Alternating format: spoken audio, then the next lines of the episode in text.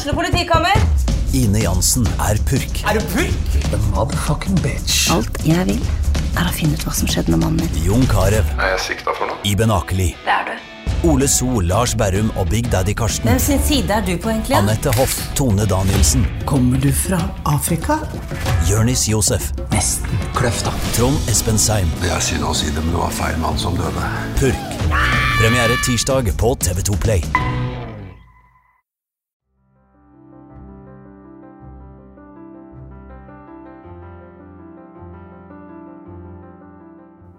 I dagens episode er jeg på besøk hos Olene Holmebakken, som har vært ME-syk i mange år. Og jeg har jo hørt om ME flere ganger før, men hva er det egentlig? Det får Olene svare meg på. En frisk person den våkner jo opp med 100% batteri, og de kan gjøre så mye de vil da, utover dagen, og tenker ikke hvor mye de bruker da. Og så en som er ME-syk, da, den våkner kanskje opp med 20% batteri, og da må man velge hva man skal bruke energi på i løpet av dagen da. Og hovedsakelig så er det ofte en dusj, eller gå i butikken, lage middag, og da har du kanskje brukt opp alle kreftene dine. Så det handler jo om å på en måte finne ut hva du vil bruke kreftene på. Vil du prioritere å jobbe 10% og du ligger hele dagen, eller vil du prioritere to timer sosialt og ha gode opplevelser med deg da, på en måte. Noen kaller jo ME for et utmattelsessyndrom. Hva syns du om at det ofte blir kalt for det? Nei, det er jo litt sånn Viser ikke helt hvor situasjonen er, da, for da sier du bare ett symptom av masse symptomer som er i sykdom med sykdommen, da. Det er ganske alvorlig sykdom, og det rammer ganske mange deler av kroppen, da. Så bare utmattelse, det er jo bare en liten bit av det. Utmattelse, hodepine, svimmelhet. Hvis man står oppreist, så klarer man ikke over tid. Man kan besvime av det. Eh, man får en influensafølelse, at man føler man har feber, at øynene renner, sår hals når man snakker og Veldig mange sliter med høy puls, det gjør jo jeg. Um, hvis man gjør for mye. Man kan føle man er kald, og så er det varm. Um, og så er det hjernetåke, som er ganske sentralt, at det, du sliter med å bearbeide informasjon og spørsmål. Og hvis du leser noe, så kan det være vanskelig å forstå hva som egentlig står, da. Er det ulike alvorlighetsgrader av eh, denne sykdommen? Ja, eh, det er fire grader. Det er mild, altså moderat, alvorlig og svært alvorlig. Og for å bare ha mild grad, da, det er jo ikke mildt i det hele tatt, det er ganske alvorlig, for da må du ha minst 50% redusert. Man kan jo si det svart på hvitt, at da må du kanskje ha 50% skole, 50% sosialt, 50% personlig hygiene. Mm. Jeg var mildt ganske lenge, og så nå er jeg på alvorlig, da. En alvorlig grad, da klarer du kun basic ting da i hverdagen, som å pusse tenner, spise, vaske deg. Så må du som regel ha hjelp til alt annet. da. Jeg har jo kommet eh, på besøk hjem til deg nå. Kan du fortelle litt om dette rommet vi sitter i? Ja, jeg har et lite rom. Mørke gardiner. Sykehusseng. Så det er ikke så veldig kjekt. Men det må jo til, fordi jeg tåler ikke så mye lys. Jeg blir veldig sliten av det over tid. Så her ligger jeg som regel 23 timer i døgnet. Jeg er oppe på do med rullestol. Som regel får hjelp til det. Så ellers så ligger jeg her. Hva når du skal spise, da? Da ligger jeg i senga. Da har jeg en pute for meg, sånn at jeg har middagstallerkenen oppe, sånn at jeg slipper å bruke energi på å holde oppe tallerkenen. da. Hvordan var livet ditt før, før du ble ME-sjuk? Jeg var jo ganske ung når jeg ble syk, så jeg var jo ganske aktiv som alle andre. Eh, elska skolen. Elska å springe. Jeg sprang rundt i friminuttene. Og, så når jeg var rundt ni år, så gikk jeg på sirkusskole. Jeg elska jo det. Elska aktivitet. så gikk jeg nå på noen stulter, da. Og etter det så fikk jeg veldig vondt i kneet. Eh, jeg kunne ikke være med på sirkusskolen resten av tida. Og de skulle ha en forestilling da, for ansatte og andre, da. Og da kom jeg på krykker da, for å se på forestillingen. Da Da var jeg for syk til å være med. Og da Trodde dere bare at du hadde vondt i knærne pga. at du hadde gått på de stultene? Ja, vi tenkte jo dette går jo over. Alle har jo litt vondt av og til. Ja. Fra det kneet så bare ble jeg verre og verre. Gikk jo med de krykkene da, men så ble jeg veldig sliten av å gå med krykker. Jeg ble liksom skikkelig utmatta. Vi visste jo ikke hva dette var. Så ble jeg bare dårligere. Jeg endte opp med bare at beina bare svikta. Jeg bare Henne som Maurits på kvadrat, så bare falt jeg eh, imellom klærne der fordi jeg bare kollapsa. Så, så ble jeg bare dårlig dårligere, og til slutt så måtte jeg ha rullestol da, for å gå lengre avstander. da. Eh, når det begynte å utvikle seg, så tenkte de kanskje leddgikt, siden det var liksom i kneet. da, det var liksom, Men de fikk ikke noe ut på de prøvene, så de begynte å ta mer og mer prøver, og de skjønte jo ikke hva dette var for noe. Så når jeg var ti år, så ble jeg innlagt på, for en omfattende utredning eh, på SUS. Da var jeg der i en uke, og de tok masse prøver for alvorlige sykdommer. Um, men det de fant, kunne ikke forklare de symptomene jeg hadde, da. Så de mente bare det var ME-lignende symptomer. Og jeg var mye vekke fra skolen etter dette. Så når jeg kom tilbake til skolen, så hang jeg ikke med på det de andre gjorde. Jeg kunne våkne opp en dag og at jeg ikke kunne gå på skolen, og så hadde jeg dager der jeg ikke kunne gå. Jeg merka jo at jeg var veldig fjern. Jeg hang ikke helt med på skolen. Jeg var så sliten, jeg visste ikke hva dette var, egentlig. Og jeg hadde mye smerter rundt i kroppen. Veldig mye smerter, så jeg klarte ikke helt å konsentrere meg av smertene, da. Klarer du å beskrive noe hvordan de smertene egentlig var? Jeg hadde veldig mye vondt i beina. Eh, det er nok av utmattelsen, da, at du liksom går så mye, da, at eh, du får mye smerter av det. Så hadde jeg Når du har så mye smerter, så anstrenger du deg veldig mye. Og da setter det seg jo i skuldrene og ryggen, og det kommer jo opp i nakken. Så det var veldig slitsomt, det, da.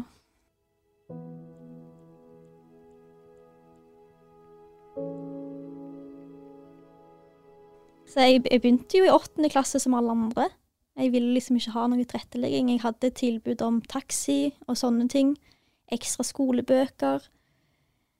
Men utover det så ville jeg ikke ha noe tilrettelegging. Um, jeg ville ikke vise at jeg var syk. Uh, det, og det med ME, da, at du må jo prioritere hva du bruker kreftene dine på. Og jeg valgte egentlig å bruke kreftene på venner, da.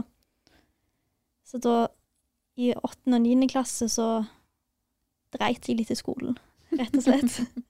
og da kunne jeg faktisk henge litt med på det sosiale. Jeg slapp å vise at jeg var syk. Eh, og de dagene jeg var vekke, så trodde jo andre at jeg skulka. Og så var det kanskje sånn i en time vi skulle ha gym eller gå ned til Sandnes sentrum og sånn, så tok jeg ofte bussen hjem istedenfor. Ja, for du var så kul at du ville ikke være med på det. Ja, det var mye lettere å bare ta det kortet. Mm. Så var jeg jo litt med den gjengen som gjorde det òg, så det var lettere å komme med unna med det da. Mm. At det, jeg var ikke syk. så det, jeg fortsatte med det, og jeg tenkte at dette, dette klarer jeg. Mm. Dette klarer jeg, og ingen trenger å vite at jeg var syk. Men eh, så var jeg mye inn og ut av legen i mange år. Men det var liksom aldri noe svar. Jeg gikk til fysioterapeuter og prøvde liksom å gjøre noe for å bli bedre, da. Men alt vi gjorde, ble jeg liksom aldri bedre av. Så jeg bare fortsatte hverdagen min som vanlig. Men så var det først i tiende klasse da jeg merka at nå måtte jeg prioritere skole. For jeg ville jo ha utdanning. Mm. Så da begynte jeg å fokusere mer på karakterer, da. Men problemet var jo at jeg var så dårlig at jeg egentlig klarte jo ikke å øve på prøver. Jeg orka liksom ikke helt den delen, egentlig. Og så ville jeg jo prøve å ha det sosiale samtidig som skolen. Men det var ganske vanskelig, så jeg gikk jo bare i en tåke, for jeg var så dårlig. Så jeg prøvde liksom, jeg gikk på skolen, jeg prøvde bare å holde meg oppreist. Jeg følte jeg skulle besvime hvert steg jeg skulle ta. Når eksamensperioden begynte, så ville jeg jo gjøre det bra, så jeg jobba mye med skole. Så merka jeg at jeg ble liksom dårligere og dårligere. Jeg visste ikke helt hva dette var, egentlig. Og så kom jeg meg gjennom eksamen òg. Jeg fikk en sekser. Veldig bra. Imponerende. Imponerende. Ja. Første sekseren i mitt liv. Jeg var så fornøyd og tenkte ja, dette klarte jeg jo kjempebra. Dette kan jeg bare fortsette med på videregående.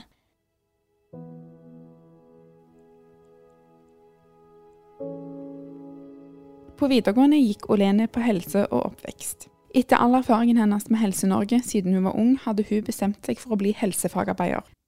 Dessverre ble Olene dårligere utover høsten. Hun kom seg gjennom det første skoleåret med litt tilrettelegging, men det andre skoleåret måtte hun dele opp, så hun tok det over to år. Siden Olene gradvis hadde blitt verre, ble hun innkalt til en ny undersøkelse på sykehuset, og fikk endelig diagnosen ME. I 2018 så var jeg på rehabilitering for barn og unge. Det er da et opphold på fire uker, der du skal på en måte lære deg å mestre sykdommen, da. Og da var jeg jo 18 år, så jeg kom jo akkurat med de for barn og unge, da. Det syns jeg var kjempekjekt, for da var jeg liksom Da møtte jeg folk i samme situasjon. For du er ganske ensom når du er syk som ung. Så jeg hadde jo kjempekjekt der, jeg, de fire ukene i, på sommerstid. Så jeg følte dette var en sommerleir. Ja. Så jeg koste meg med masse aktiviteter, og selv om det var lagt inn hvile fordi vi har ME, så var det jo ikke nok. For det var jo fire uker med veldig mye, syns jeg, da. Og så var jo Opplegget er jo å mestre sykdommen, så det gikk jo på å, riktig kosthold, planlegge hverdagen sånn at du ikke bruker opp batteriet, da. Og så er det jo det med å håndtere smerte, og ha sånne strategier for å takle dette, da. Så når jeg kom hjem fra oppholdet, så tenkte jeg nå blir jeg bedre. Nå tenkte jeg dette, dette var bra, for dette var jo så kjekt. Men så ble jeg jo dårligere. Og det var det året jeg skulle på videregående og ha helsefager, da. Så opplegget med en rehabilitering, det er jo å mestre sykdommen. Det er jo ikke for å bli frisk eller bedre, som veldig mange andre tror, da. For det, er jo Rehabilitering for andre sykdommer er jo ofte å bli mye bedre. Og det var det jeg òg trodde når jeg kom der. At dette skulle liksom gjøre meg bedre. Og så merka jeg liksom De fire ukene jeg var der, så var jeg veldig i adrenalin. Jeg syntes det var så kjekt. Jeg var så gira. Så jeg unngikk å tenke på symptomene. Så jeg bare fortsatte, tenkte ikke på det. Og det som skjer da med ME, at når du unngår symptomene, at du får en krasj i ettertid. Så når jeg kom hjem, så ble jeg mye dårligere. Og det, så dårlig hadde jeg ikke vært siden jeg var ni år, da. Jeg kunne fortsatt gjøre ting, men jeg måtte planlegge hverdagen mye mer enn det jeg var vant med. Så når jeg ble ferdig med videregående, da, helsefag, så skulle man jo egentlig ut i lære. Men det var jo ikke jeg i form til. Og de kunne ikke, tilrett, kunne ikke tilrettelegge sånn jeg trengte det. Så da gjorde jeg ingenting etter det. Jeg ville liksom gå på skole, eller at jeg kanskje kunne tilrettelegge for det, men så ble jeg liksom Jeg var ikke i form til det. Jeg søkte meg inn på folkehøyskole, det gleda meg kjempe til. Jeg hadde fått eget rom, og de skulle tilrettelegge så godt de kunne. Men det var jeg ikke i form til det heller, så da måtte jeg si opp plassen min der òg. det var jo etter jeg ikke kunne utdanne meg mer, at jeg merka at eh, nå må jeg ta litt mer hensyn til sykdommen. Så det var jo 2019 jeg kom inn i Nav-systemet.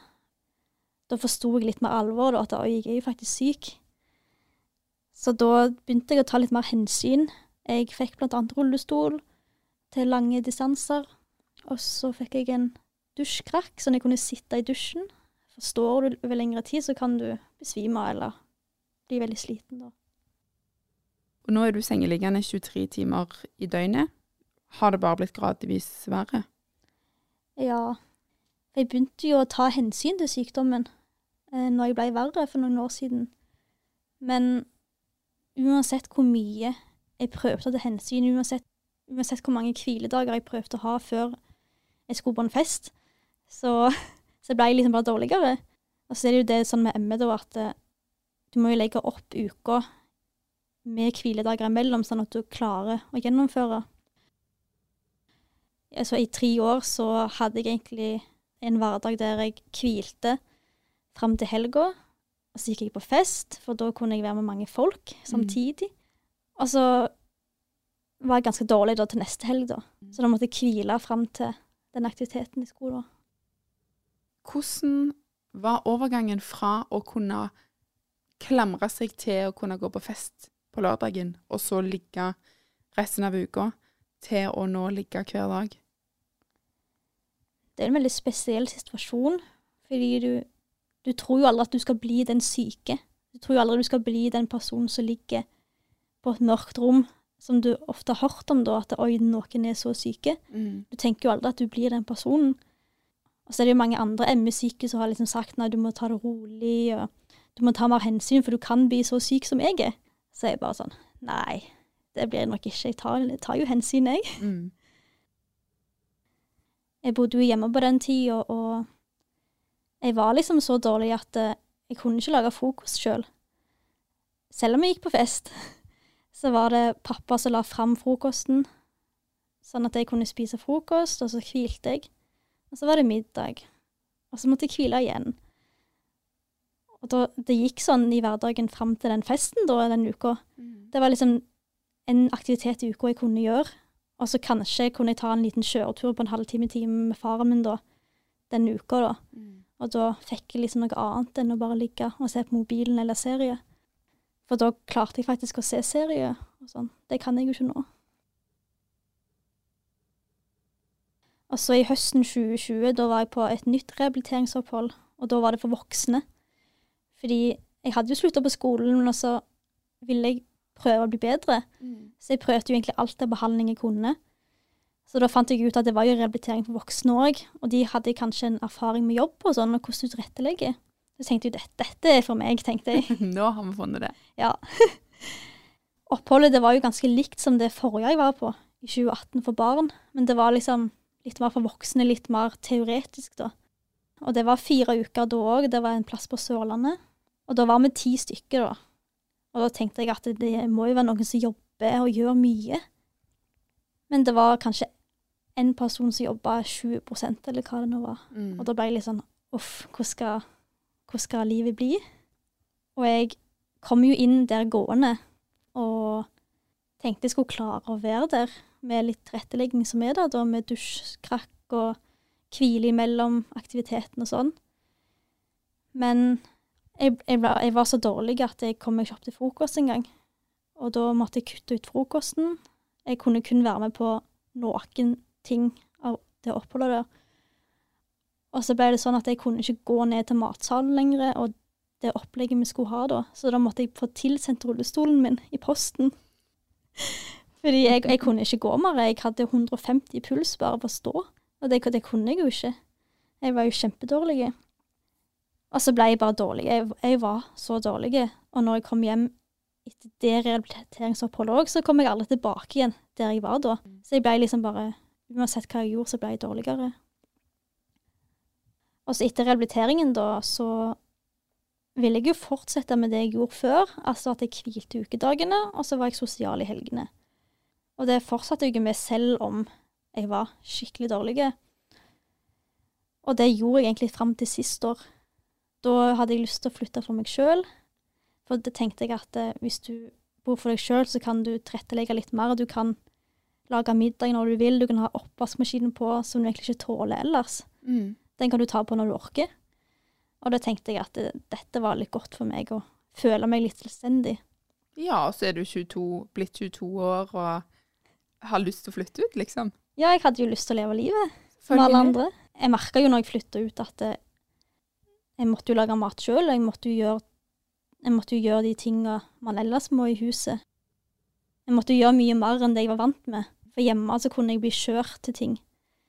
Jeg fikk servert mat, og jeg gjorde ingen husarbeid. Mens når jeg flytta for meg sjøl, så måtte jeg gjøre det sjøl. Og etter hvert så fikk jeg liksom mer hjelp, da. Da kom foreldrene mine ned og hjalp meg med det. Så det ble liksom gradvis dårligere da. Og så igjen så tok jeg ikke hensyn.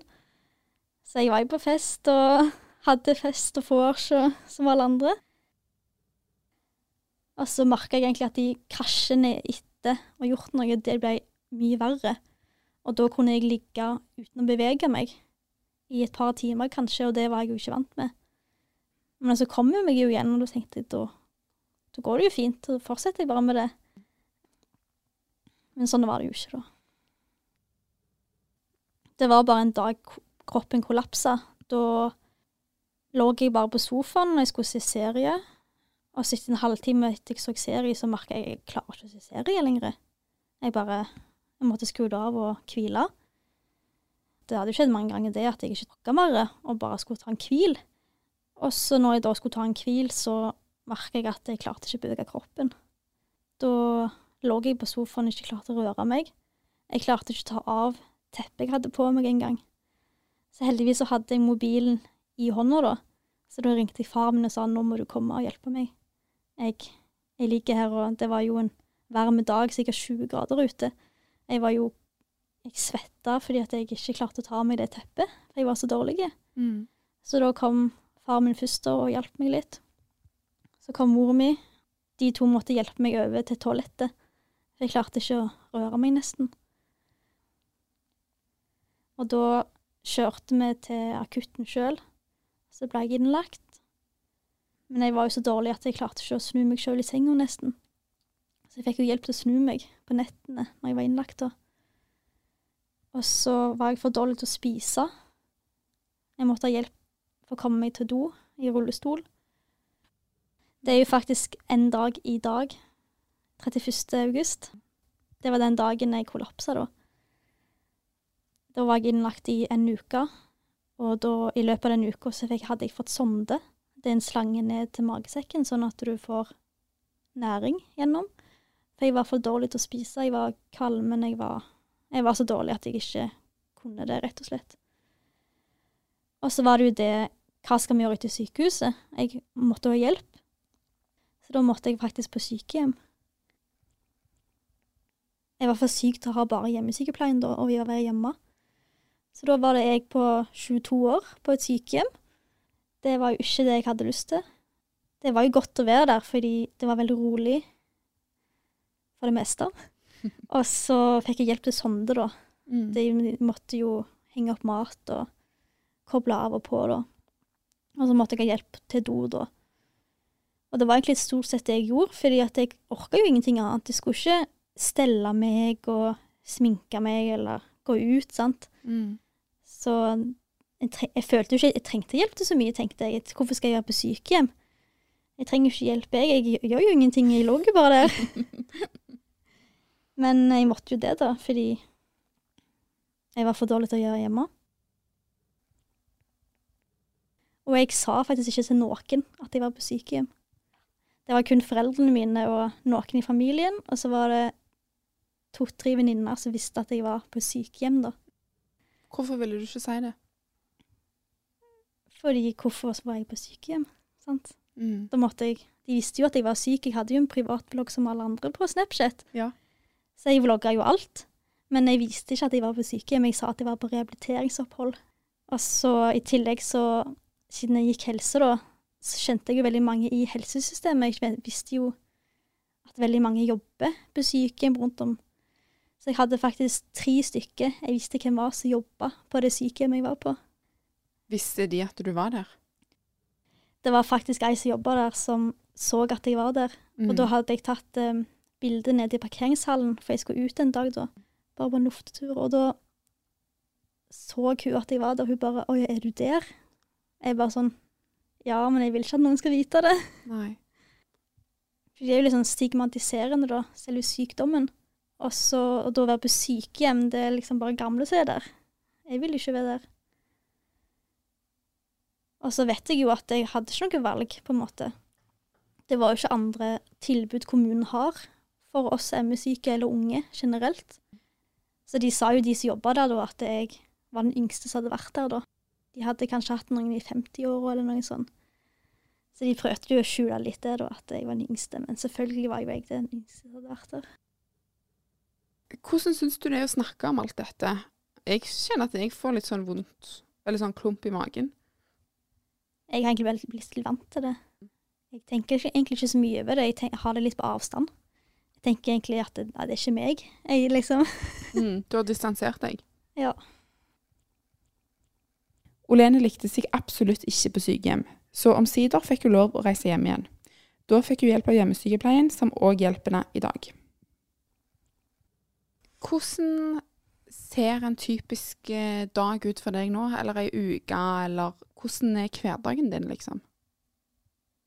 det er jo egentlig mye det samme at eh, jeg står opp, og så må jeg få i gang kroppen. For du er ganske dårlig når du våkner. Um, du har liksom ikke klart å hvile med den søvnen, da. Mm. Så da må du liksom få i gang kroppen, uh, og så må du liksom Og da er det liksom frokost, da, og da blir jeg jo dårlig etter spist, for da må du opp i senga, du må liksom ta tallerken, du må drikke, og da blir jeg jo sliten etter det òg. Og nå så har jeg kutta ned hjemmesykepleien fra fire ganger til to ganger. Nå, må jeg gå på do sjøl, og å komme seg ut på do sjøl er faktisk så slitsomt at det, det stjeler nesten hele dagen. For du får så mye symptomer og smerter i beina. Og så i ett-tida så kommer hjemmesykepleien, da, og da går jeg på do igjen, og så, jeg, og så vasker jeg meg kanskje, da, sant? for jeg kan jo ikke dusje. Jeg orker ikke å dusje. Det er en måned siden jeg har dusja nå, så da er det jo å vaske seg med servietter, da. Du, du er jo rein, men du føler deg liksom ikke sånn rein som etter en dusj.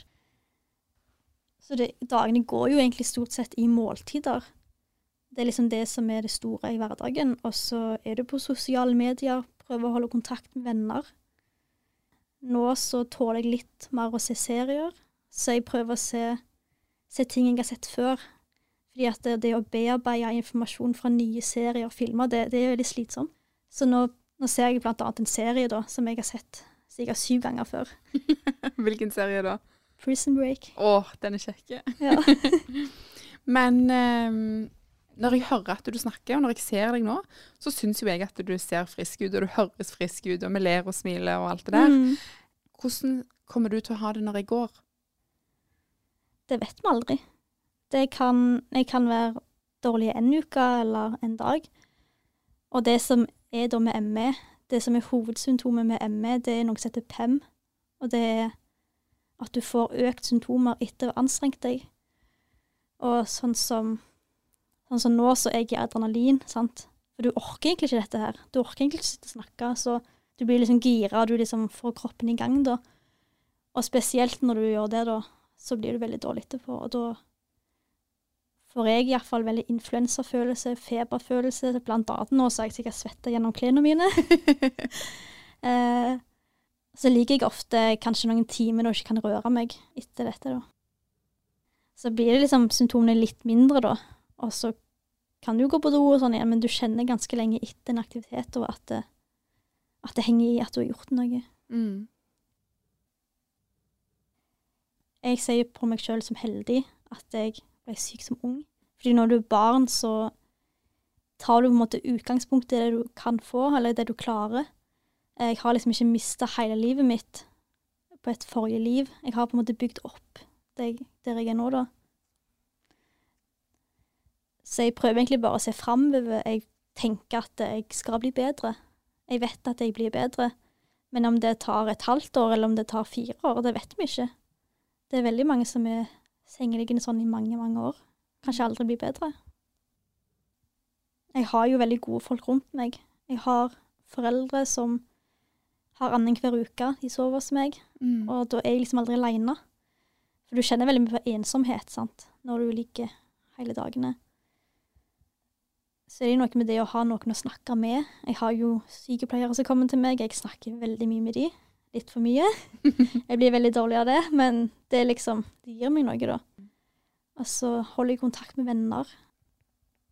Og så vet jeg at en dag skal jeg komme meg opp. Jeg skal kunne gå. Så det, det gleder jeg meg veldig til.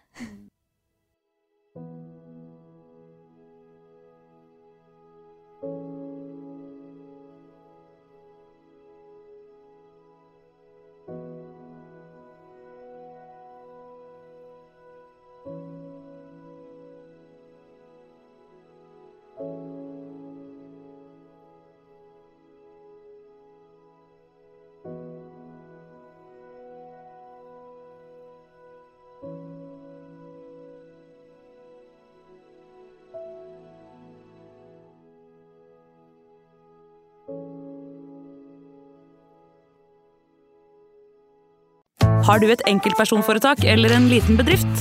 Da er du sikkert lei av å høre meg snakke om hvor enkelt det er med kvitteringer og bilag i fiken, så vi eh, gir oss her, vi. Fordi vi liker enkelt. Fiken superenkelt regnskap.